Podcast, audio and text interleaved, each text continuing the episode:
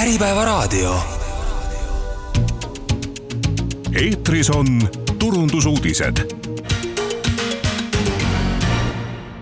tere päevast, mina olen Keit Ausner ning eetris on turundusuudised. tänase saate fookuseks on GDPR, reeglistik, mille vastu, vastu eksimine võib minna ettevõttele väga kalliks maksma GDPR on lühend sõnadest General Data Protection Regulation ehk Euroopa Liidu üldine andmekaitsemäärus. See on praktiline ja oluline reeglistik, mis reguleerib, kuidas meie isiklikke andmeid kogutakse, töödeldakse ja säilitatakse internetis. see määrus on Euroopas kehtestatud selleks, et kaitsta meie privaatsust ja tagada, et meie isikuandmetega ümberkäimine toimuks õiglaselt ja turvaliselt. ent üdini ausalt öeldes on see turundajatele vahel parajaks pinnuks silmis ning võib tekitada üsna täbaraid olukordi, mis hullemal juhul võivad lõppeda ka suurte trahvidega. Eh, minu tänane saatekülaline on Soraneini advokaat Liisa Kuuskmaa. tere tulemast saatesse, Liisa! tere! ma loodan, Liisa, väga, et, et tänase saate tulemusena saavad kõik kuulajad paremini aru, mis on GDPR ja millised kohustused sellega siis kaasnevad kuidas, kuidas sa hindad muidu, kuidas meil täna see olukord Eestis on, meil on GDPR nüüd umbes viis aastat olnud jõustunud, kuidas ja kui palju täna Eestis selle vastu eksitakse? Ma arvan, et äh, teadlikkus on kindlasti aastatega väga palju tõusnud aga, aga see ei tähenda kindlasti seda, et kõik ettevõtjad oleksid sada protsenti oma tegevuse viinud sellega kooskõlla, sest tegelikult on, on see ikkagi praktikas päris keeruline. ja noh, eriti see puudutab väiksemaid ettevõtjaid, kellele see tegelikult see compliance tähendab ka väga suuri kulusid. Et noh, suured ettevõtted üldiselt äh, on väga hästi teadlikud ja neil on selleks eraldi äh, töötajad, isegi mõnikord eraldi osakonnad. aga kindlasti on arenemisruumi Äh, millised sellised kõige sagedasemad ja võib-olla ka täitsa niisugused nagu lihtsad asjad on, mille vastu eksitakse kõige rohkem? sa mõtled siis turunduses? turunduses näiteks just. no kas just kõige sagedasem, aga kõige suurem rikkumine on kindlasti see, et sellega ei võeta, seda ei võeta üldse arvesse. Et, et ei mõelda selle peale, et tegelikult kogu see andmetöötlus, mis toimub turunduse eesmärgil ja ka enne turundust, et see on tegelikult kõik ju GDPR-i äh, skoobis või kohaldamisalas ja seda tuleb äh, arvestada äh,. aga noh, võib-olla levinumatest äh, asjadest noh, see, et äh, ei küsita nõusolekut vajalikel hetkedel või küsitakse seda valesti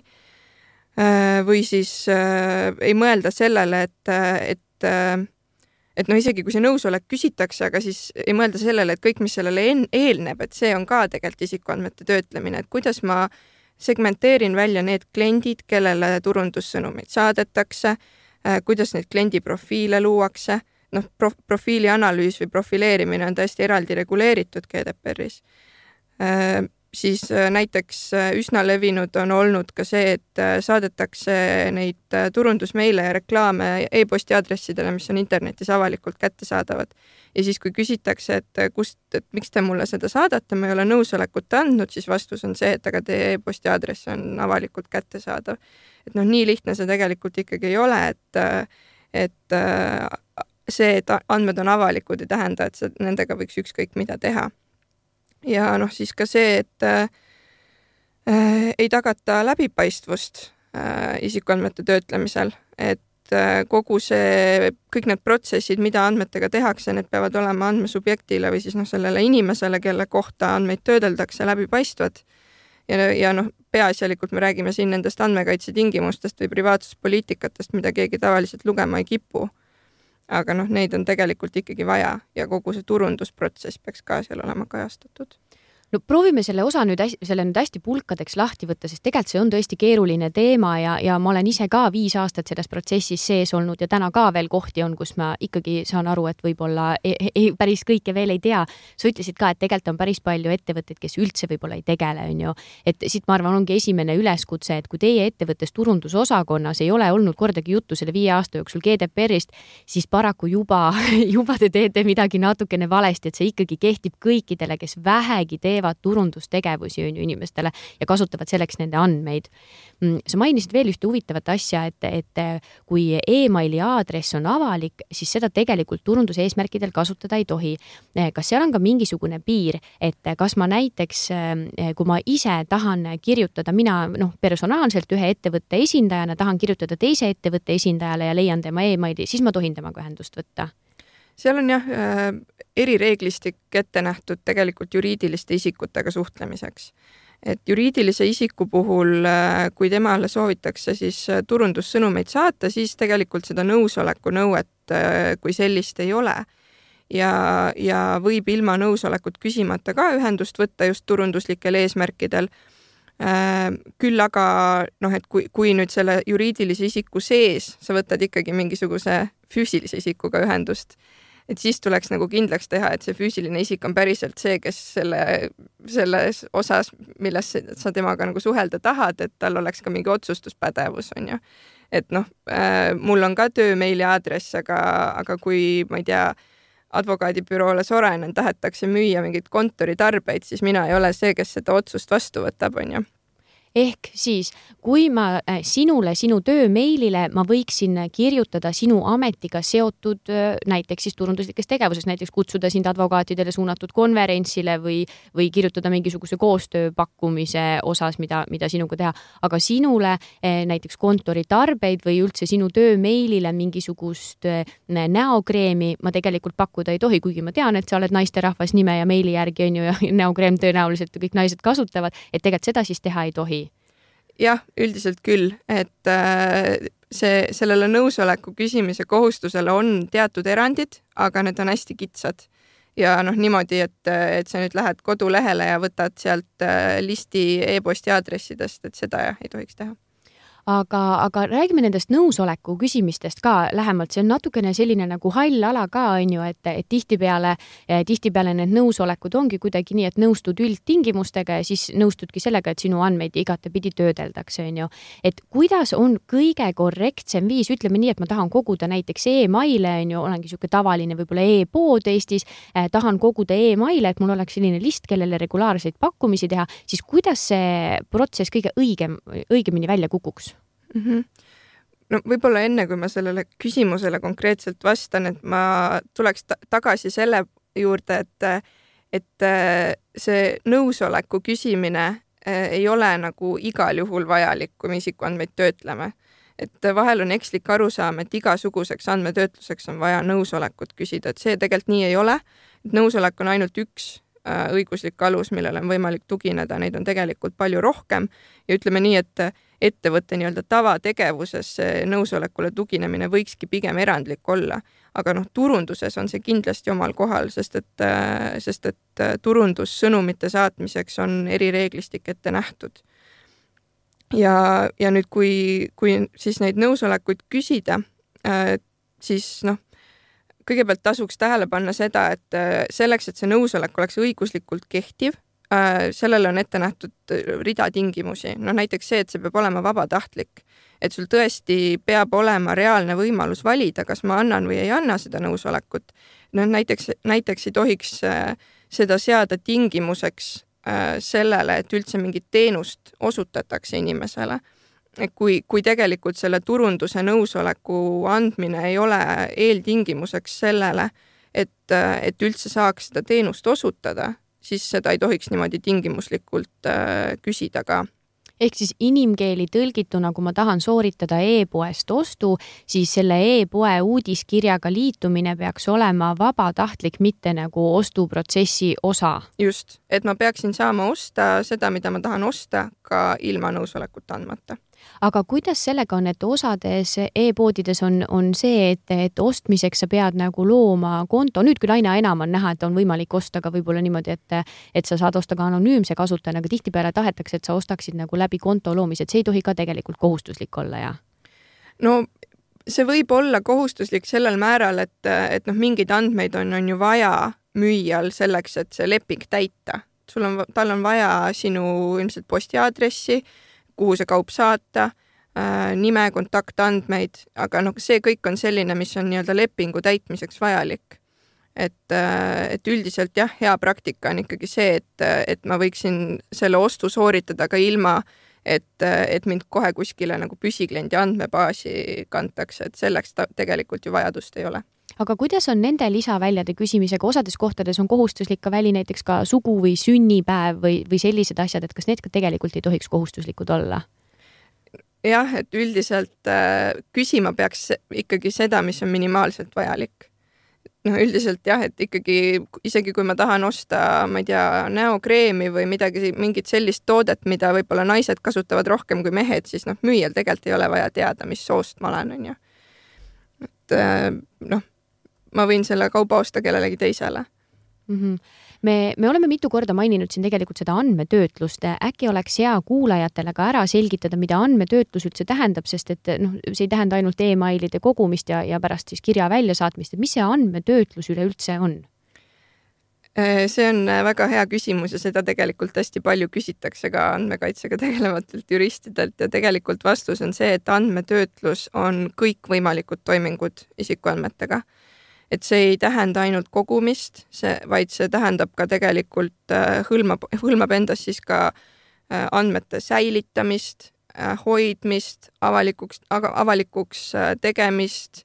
nende lugemist, vaatamist, kustutamist, anonüümiseerimist, ehk siis põhimõtteliselt kõik toimingud, mida andmetega tehakse need on, kõik on isikuandmete töötlemine. ehk siis tegelikult äh, kõige pesuehtsam näide võib-olla on see, et kui oma, oma näiteks uudiskirja baasi hakata segmenteerima selle järgi, et kes on teinud viimase poole aasta jooksul ostu ja kes mitte, on ju, või mis tooteid keegi on ostnud, seda ka tihti tehakse, et sulle pakutakse, on ju, uudiskirjas eelkõige neid tooteid, mida sa juba varem oled ostnud, et siis see tegelikult on juba korralik andmetöötlus. jah kindlasti. kas kuidagi peab olema see nagu reguleeritud ka, kellel ettevõttes on õigus teha andmetöötlust äh, või ei ole sellel vahet, et, et kuna andmed kuuluvad ettevõttele, siis, siis seda näiteks sihtrühma luua võivad kõik?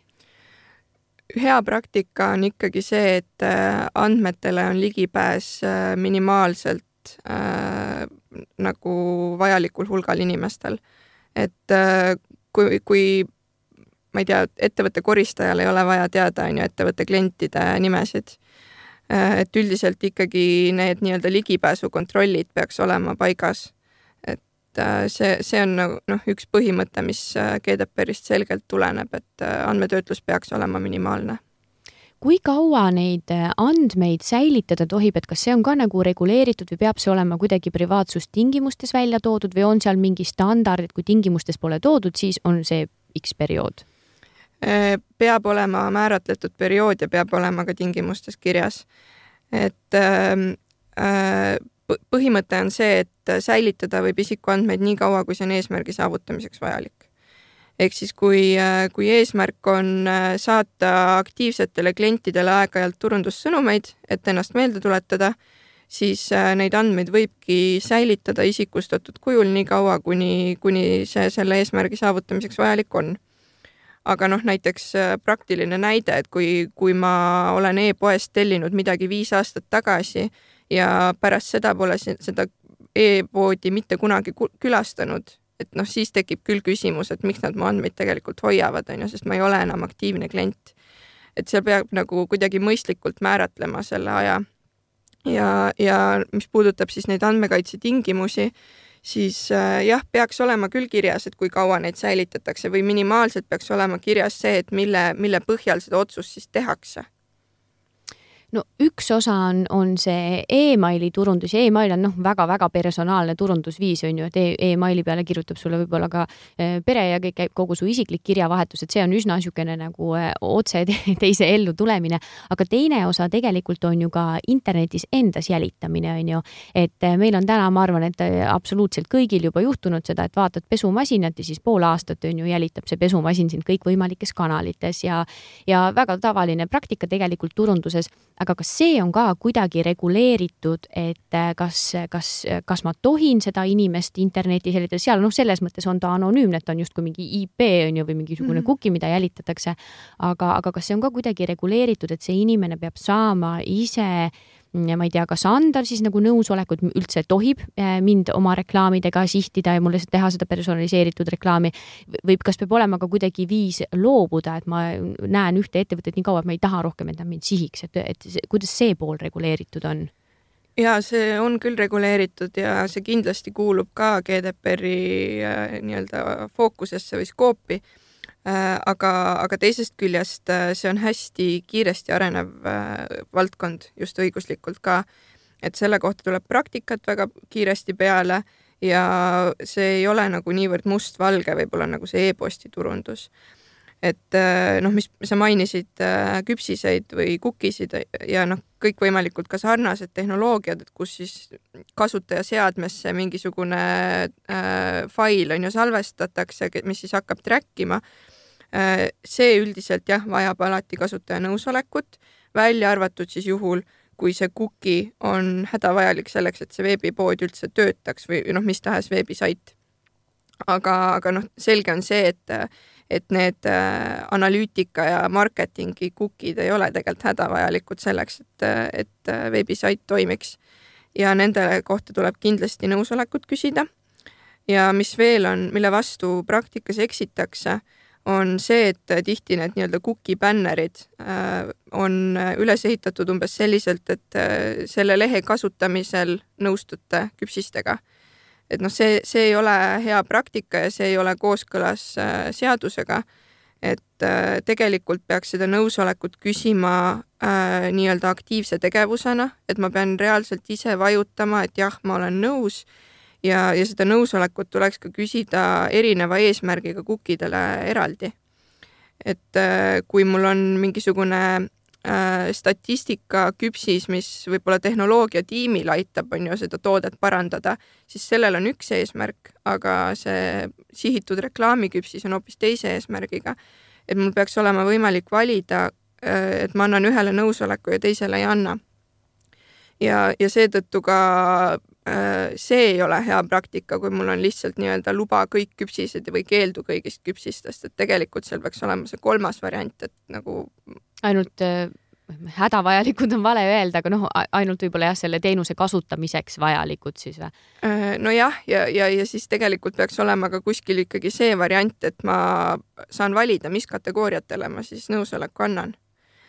no seda me hakkasime eh, selle aasta alguses tegelikult aina rohkem nägema Eestis veebisaitidel, et tõesti need küpsise nõustumise eh, ribad tehti nagu palju peenemaks, et oligi sellised nagu eh, hädavajalikud, hädavajalikud ei ole õige sõna, aga noh, sellised mm -hmm. need nii-öelda teenuse tarbimiseks vajalikud küpsised, siis on veel eraldi mingid turunduslikud küpsised ja osadel on seal kuni neli nõusolekut, on ju. kõik, igal pool me seda veel ei näe, aga aasta algusest ta niimoodi jõudsamalt tuli, et ka see esiteks, et aasta algusest ta tuli niimoodi, kas on mingisugune uus regulatsioon, regulatsioon ja kas see on täna juba kohustuslik või rangelt soovituslik? see tegelikult ei ole uus regulatsioon, et see regulatsioon on tegelikult juba päris, päris vana aga äh, see võib-olla jõudis rohkem äh, tähelepanu keskpunkti seoses sellega, et Euroopas on hakanud äh, pigem suurte riikide järelevalveasutused seda jõustama. et näiteks Microsoftile vist Prantsusmaal, ma ei mäleta, kas neile tehti trahvi, aga nad kindlasti said sealt mingi ettekirjutuse, et nad peavad oma selle cookie'de nõusoleku äh, äh, küsimise lehe siis äh, korda tegema. ja, ja see on jah jõudnud kuidagi nagu järelevalveasutuste fookusesse lihtsalt rohkem ühesõnaga, kellelgi oli negatiivne kogemus ja teised kõik ja. õppisid sellest kiiresti. Et esimeses pooles rääkisime me üleüldiselt äh, GDPR-i reeglistikust, äh, mis sinna alla kuulub, mis on olulised tingimused, mida täita ja, ja jätkame saadet äh, reaalsete näidetega, et kõigepealt Liisa, ole hea, ütle, kas, kas ja kui palju täna meil veel Eestis on reaalseid selliseid kas siis kohtujuhtumeid või reaalselt selliseid nagu tugevamaid rikkumisi, kus advokaadid peavad sekkuma? Mingil määral meil kindlasti on et äh,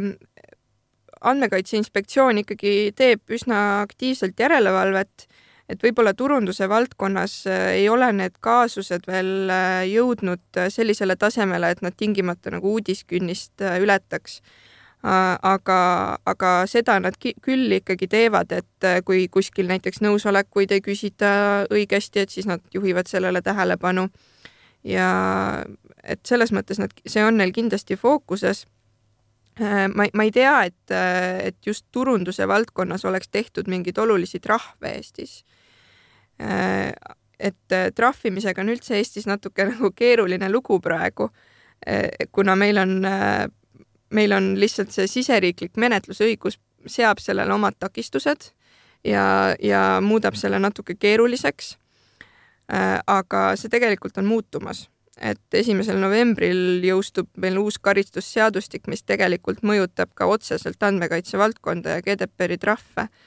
ja noh, mina isiklikult ei usu, et meil siin väga pikalt enam seda pidu on, et, et meil üldse neid suuri trahve ei ole, et tegelikult juba esimene näide siin oli, see küll ei olnud nüüd turunduse valdkonnas, aga, aga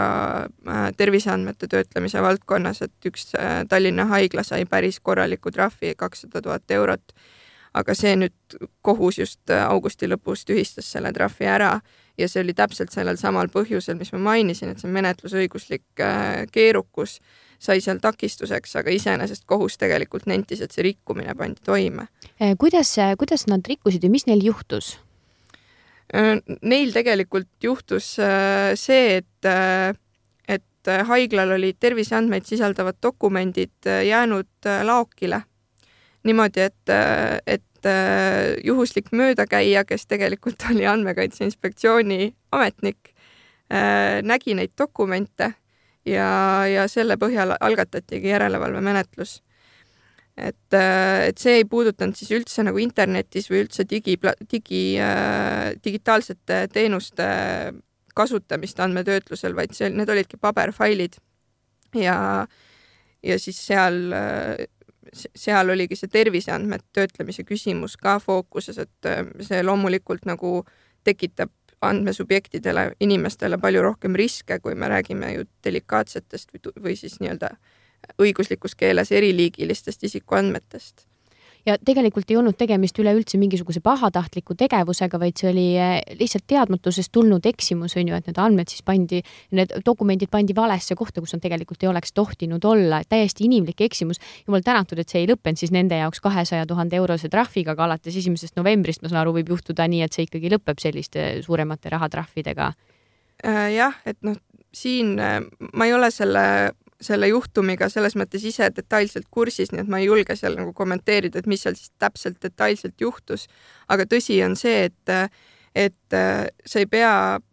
trahvi saamiseks äh, midagi nagu noh, tahtlikult tegema, et tegelikult äh, sa ikkagi võid ka ettevaatamatusest sellesse olukorda sattuda ja ettevõtjale ongi oluline äh, nii-öelda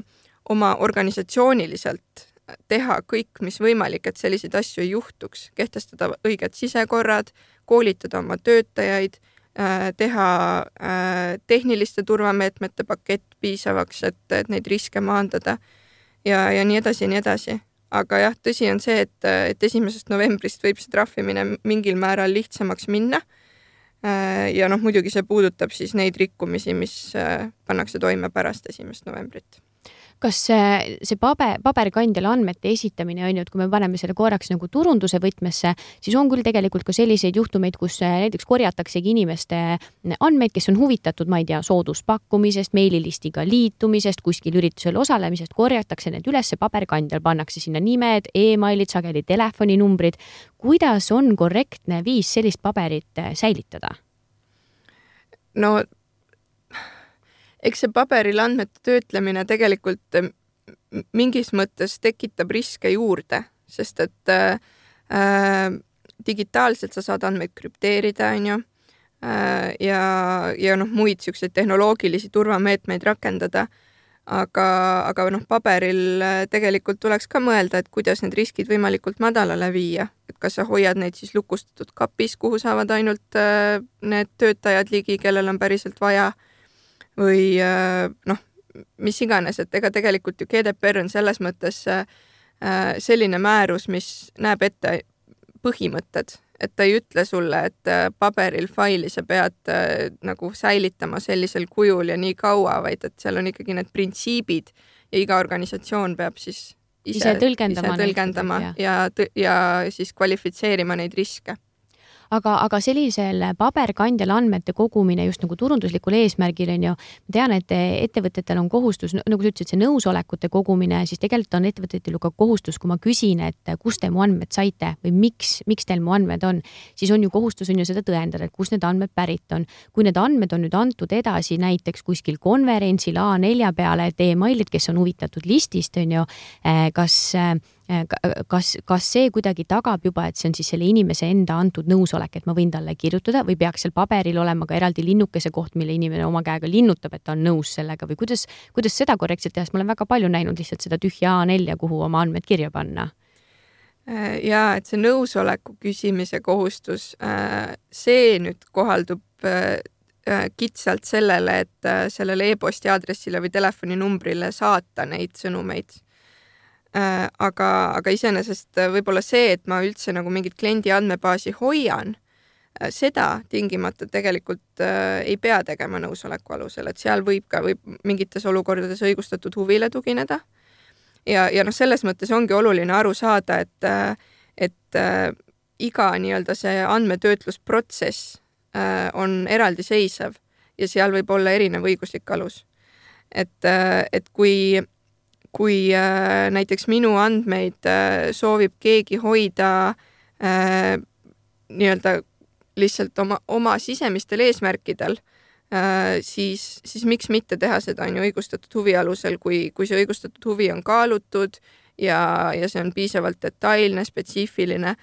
aga, aga selleks, et nüüd mulle turundust saata, selleks peaks mult küsima spetsiifilise nõusoleku. ja, ja see jah võiks ikkagi olla, olla dokumenteeritud paremini kui lihtsalt see, et ma käsitsi kirjutan kuskile oma e-posti aadressi ja pärast ei ole võimalik enam aru saada, et miks ma selle kirjutasin. jah, ma just mõtlen, et kui, kui on see kohustus, et kui inimene esitab päringu, et milliseid tema andmeid ettevõte hoiab ja, ja miks ja kust need pärit on, siis seda paberit peaks ju siis tõenäoliselt siis säilitama sellisel kujul, et sa tead kohe minna selle paberiga tõendama, et näete, et te olete ise siia kirjutanud oma andmed, on ju ja noh, selles mõttes ongi ikkagi parem neid nõusolekuid tegelikult elektrooniliselt küsida, sest et sul on neid palju lihtsam hallata ja, ja see nii-öelda paper trail või,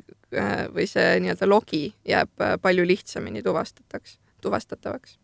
no sa ütlesid, et, et selle jaoks, et sellele emailile pärast nagu neid turunduslikke pakkumisi saata, tuleb võib-olla veel eraldi nõusolek küsida, on ju. Eh, aga meil on täna Eestis eh, teenusepakkujaid, kes, kes eh, pakuvadki andmebaase, pakuvadki emaili baase, näiteks eraisikute emaili baase, on ju mis selliste äride tulevik saab olema või, või kas kuidagi, mm, kas seda noh, täna tõenäoliselt, eks nad küsivad ka ikkagi nõusolekut, et kas sa lubad, et me su andmeid töötleme ja võib-olla siis edasi müüme, on ju. et, et kas nende, nende elu läheb kuidagi hapumaks või kas neil on veel kohta tulevikus turul sellistel andmebaasi müüjatel? no eks see on, ma arvan, päris keeruline äri, milles tänapäeval olla, et, et kui nad neid nõusolekuid küsivad ja teevad seda kõik kõik äh, siis nii-öelda GDPR-iga kooskõlas ja kindlustavad, et neil on õigustat-, on siis õiguslik alus nende andmete e, müümiseks või edasiandmiseks, siis noh, otseselt ju nagu probleemi ei ole. aga väga keeruline tegelikult minu meelest on seda ikkagi teha ilma, ilma, ilma siis andmesubjektide nõusolekuid küsimata aga kes seal vastutab, kui mina ostan eraisikute andmebaasi ja siis saadan neile näokreemi pakkumise ja, ja saan mingisuguse päringu vastu, et miks te mulle selle saadate ja nagu kust te mu andmed saite, siis eh, kes see vastutab, kas mina ettevõttena, kes ma ostsin need emailid, vastutan või vastutab see, kes müüs mulle need andmed? No teatud ulatuses võivad tegelikult mõlemad vastutada. Äh, sest et noh, küsimus ongi selles, et, et äh, kui sellel, kes siis müüs kui tal ei olnud õiguslikku alust nende andmete järgmisele äh, ettevõttele edasiandmiseks, siis tema vastutab selle eest. ja, ja noh, tegelikult nagu see ettevõte, kes siis selle pakkumise saadab, temal on täpselt samamoodi kohustus veenduda, et, et tal on tegelikult äh, õiguslik alus olemas nende andmete saamiseks ja nende andmete kasutamiseks nii et seal võib täiesti vabalt olla nii, et mõlemad osapooled vastutavad. oled sa täna kokku puutunud ka mingisuguse sellise juhtumiga, kus on olnud andmete müüki mängus mm,? andmete müüki ma, ma niimoodi konkreetselt võib-olla ei oska praegu välja tuua, aga noh, seda, seda ikka tuleb ette jah, et, et saadakse kuskilt andmed ja tegelikult ei veenduta, et kas nad võivad neid mhm. edasi kasutada. noh, et seesama kasvõi, et, et minnaksegi kuskile kodulehele, vaadatakse, et seal on e-post avalik või äriregistrist kasvõi on ju et noh, tegelikult kõikide, kõikide andmete puhul, ükskõik kust nad pärinevad, tuleks ikkagi mõelda, et mida ma nendega teha võin väga, see on väga hea tähelepanek jah, et ise tegelikult ei tohi minna eh, korjama internetist neid andmeid.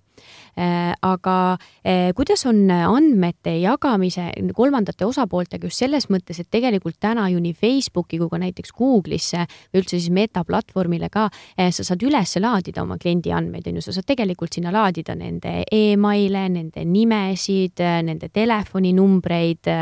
mis, mis reeglistik nagu seal on ja seal on veel see probleem ka, et neid andmeid enam ei hoita Euroopas, on ju, vaid need lähevad juba väljapoole Euroopat tegelikult. selline hall ala, ma tean, et siin on olnud esimesed trahvijuhtumid Rootsis, kus siis, kus siis Google'ile edastatud andmed, mida siis ei hoitud tegelikult Euroopas, on ju, et ettevõte sai selle eest trahvi. et kuidas, kuidas seal see hea praktika oleks? Äh, jah, see kliendi andmete edastamine näiteks noh, Metale või Google'ile, et äh, seal on samamoodi kõik, esimene küsimus, et mis õiguslikul alusel seda tehakse. et seal ei ole minu meelest välistatud teha seda õigustatud huvile tuginevalt, aga õigustatud huvi puhul on alati see küsimus, et kas see õigustatud huvi on kaalukam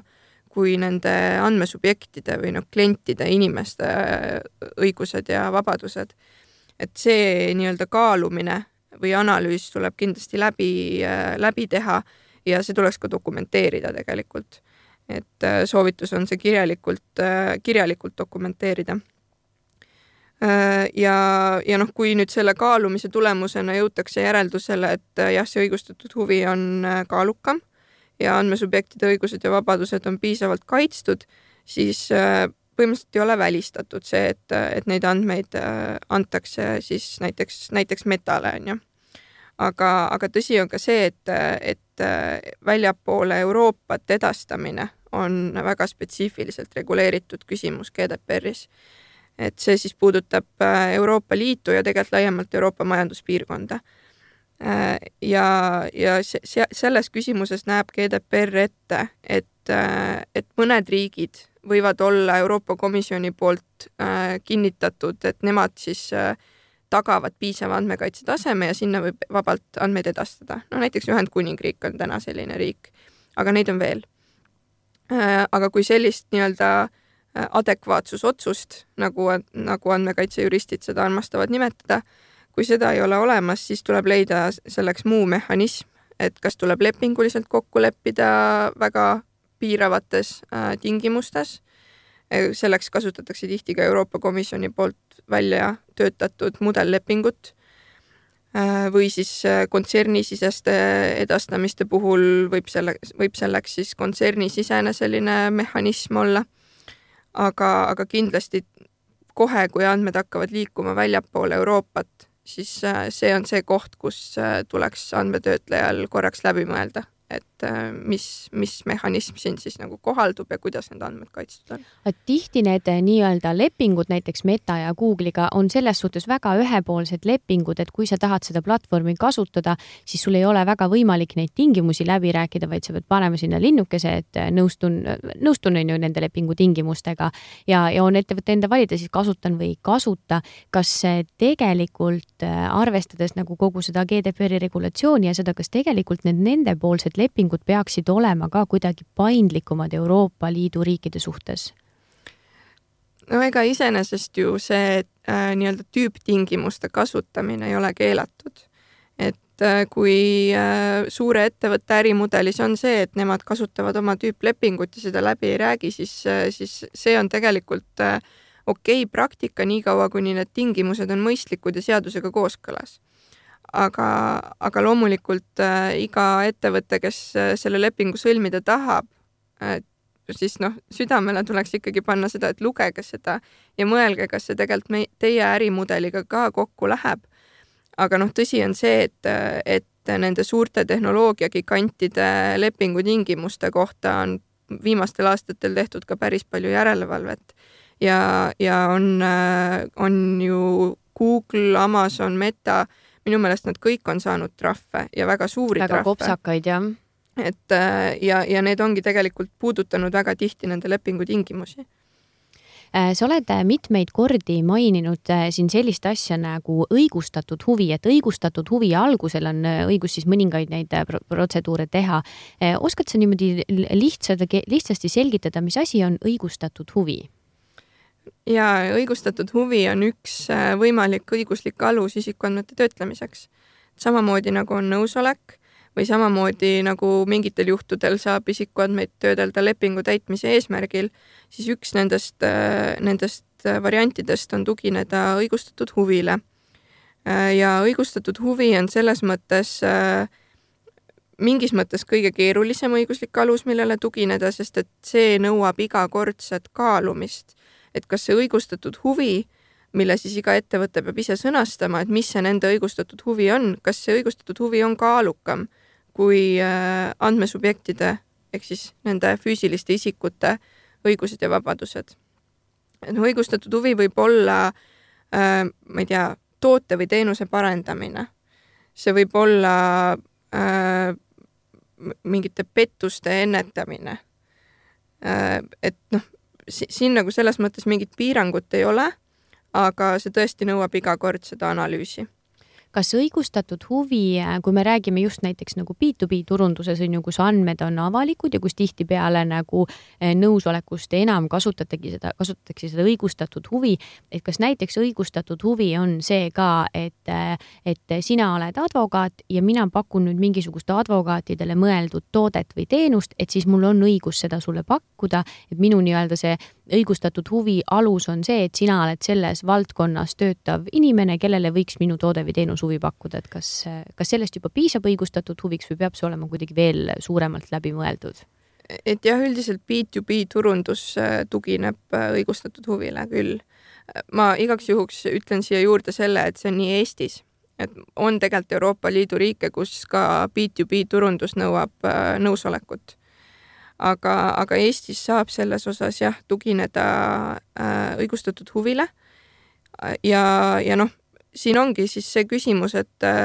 et kas see õigustatud huvi on piisavalt kaalukas, kuidas täpselt neid isikuandmeid töödeldakse, et see ei oleks nagu liigne, et see ei tekitaks äh, liiga suuri riske andmesubjektidele, kuidas me kaitseme neid andmeid kui tihti me, me kirjutame nendele kontaktisikutele, et me ei pommitaks neid, on ju e, e-kirjadega, et kõik sellised aspektid äh, on, on relevantsed tegelikult selle nii-öelda õigustatud huvi kaalumisel äh, sa ütlesid, et Euroopa Liidus on riike, kus, kus B2B-s enam ei kehti õigustatud huvi, et on rohkem nõusolekute peal. Äh, kas sa tead ka, mis selle nagu tinginud on või mis selle protsessi algatanud on, et, et, et sellest eemale liiguti ja kas meid ootab Eestis sama asi ees?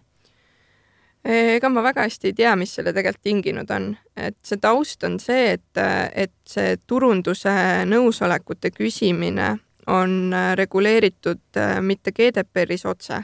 vaid äh, e-privaatsuse direktiivis. ja e-privaatsuse direktiiv, noh, nagu nimigi ütleb, see on direktiiv, mitte määrus. Ja direktiiv on siis selline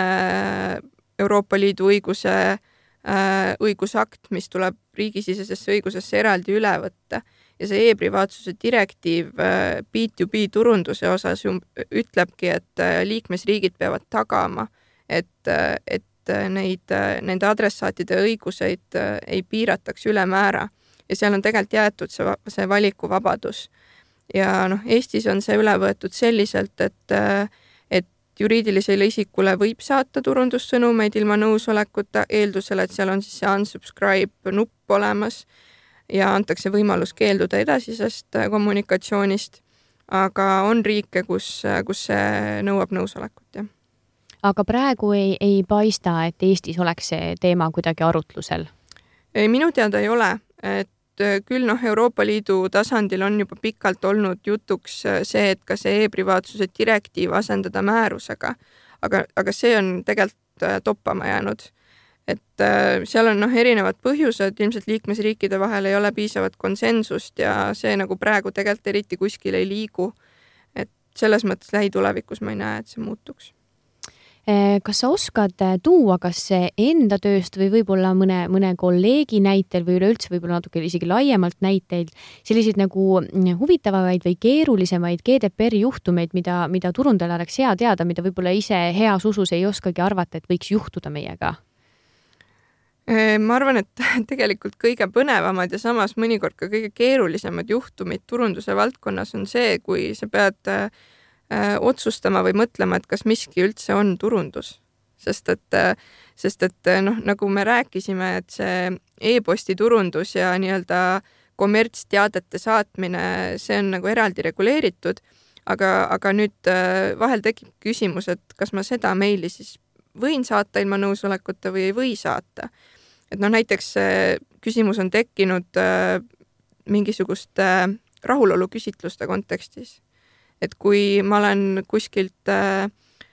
tellinud äh, või ostnud mõne toote ja siis kuu aja pärast tahab see ettevõte ühendust võtta, et küsida, kuidas ma sellega rahul olin, et kas see on turundus või see ei ole turundus, on ju. Äh, et sest, et tegelikult Andmekaitse Inspektsioon vaatleb seda kommertsteate mõistet päris laialt ja ütleb, et kõik, mis otseselt või kaudselt siis seda ettevõtte tegevust ja müüki parendab, et see on kõik otseturustus. aga noh, see on, see on tegelikult nii kummist, et, et sa pead nagu iga kord eraldi otsustama. ja, ja noh, loeb ka see, et kuidas sa selle asja täpselt kujundad, on ju, kui sa paned sinna hästi sellised suured logod ja värviliselt, et see on nüüd ettevõtte X poolt saadetud, et siis ta juba nagu on, on ju, turunduse hõnguline kas tähendab seda põhimõtteliselt tegelikult, et, et ma oma klientidele ka sellist, ma ei tea, regulaarset tagasiside uuringut või noh, NPS on hästi tavaline mm -hmm. uuring, mida tehakse, et, et tegelikult ma peaksin siis justkui küsima nagu eraldi nõusolekut et või, või läheb ta kuidagi siis nende turundustegevuste nõusoleku alla või, või, või see tundub, tundub mulle natukene utoopiline, et, et ma saan aru, et ta parendab nagu teenust, aga, aga ma teen seda olemasoleva kliendi huvides ju, et temal oleks mõnusam, on ju, samas teisalt jah, siis ma võib-olla pikendan selle kliendi eluiga, et, et aga kas meil nii kitsalt tõesti on, on vaja minna siis, jah?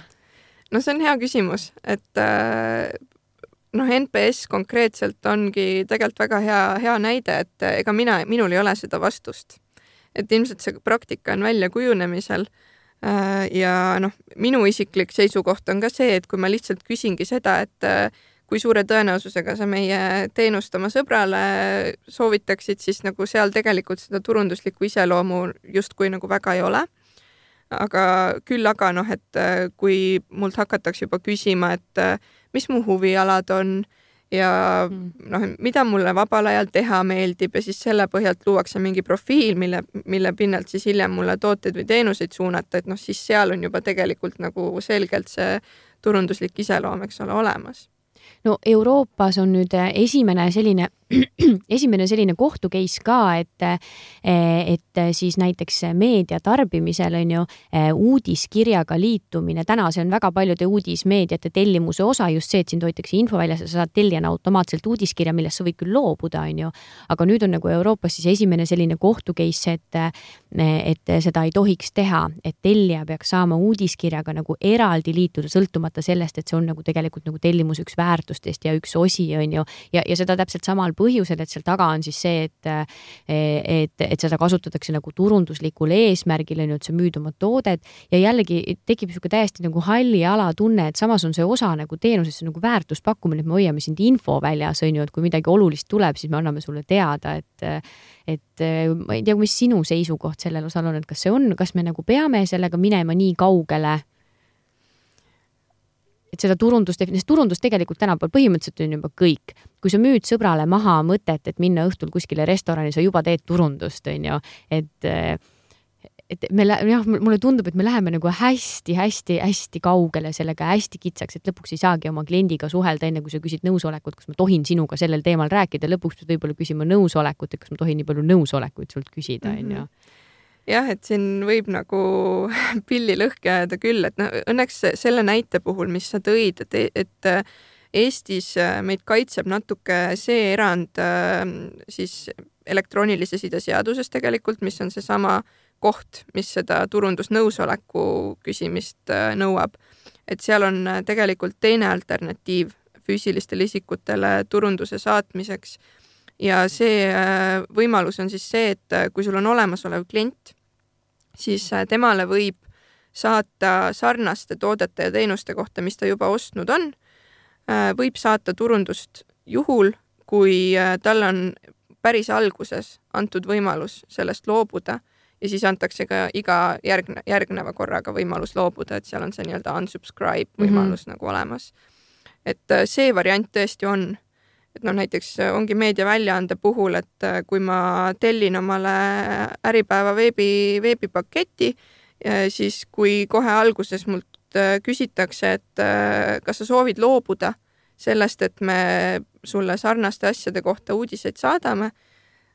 ja ma seda ja ma ei loobu, siis on, siis on tegelikult okei okay. aga kas see ei ole ka tegelikult hoopis vastupidine, et sa ei tohi mitte, et need linnukesed ja lahtrid ei tohi olla nagu eeltäidetud või noh, see on midagi, mis on ka nagu arutluse all on ju, ma ei tea ka, kas ta nüüd on, eh, kas ta on see tunnetuslik pool või see, aga tegelikult on ju nii, et sa ei tohi seda linnukest ette teha enne eh, niimoodi, et klient võib siis selle linnukese ära võtta, kui ta ei taha, on ju, vaid see loogika mm -hmm. peaks nagu olema justkui vastupidine, et inimene oma käega selle linnukese sinna paneb ja.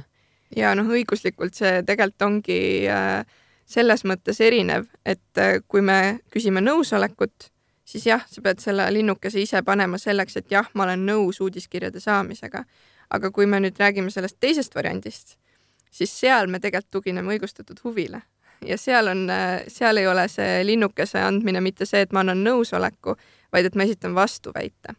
et ta on nagu selles mõttes juriidiline nüanss, aga, aga GDPR-i mõttes on seal väga oluline vahe sees.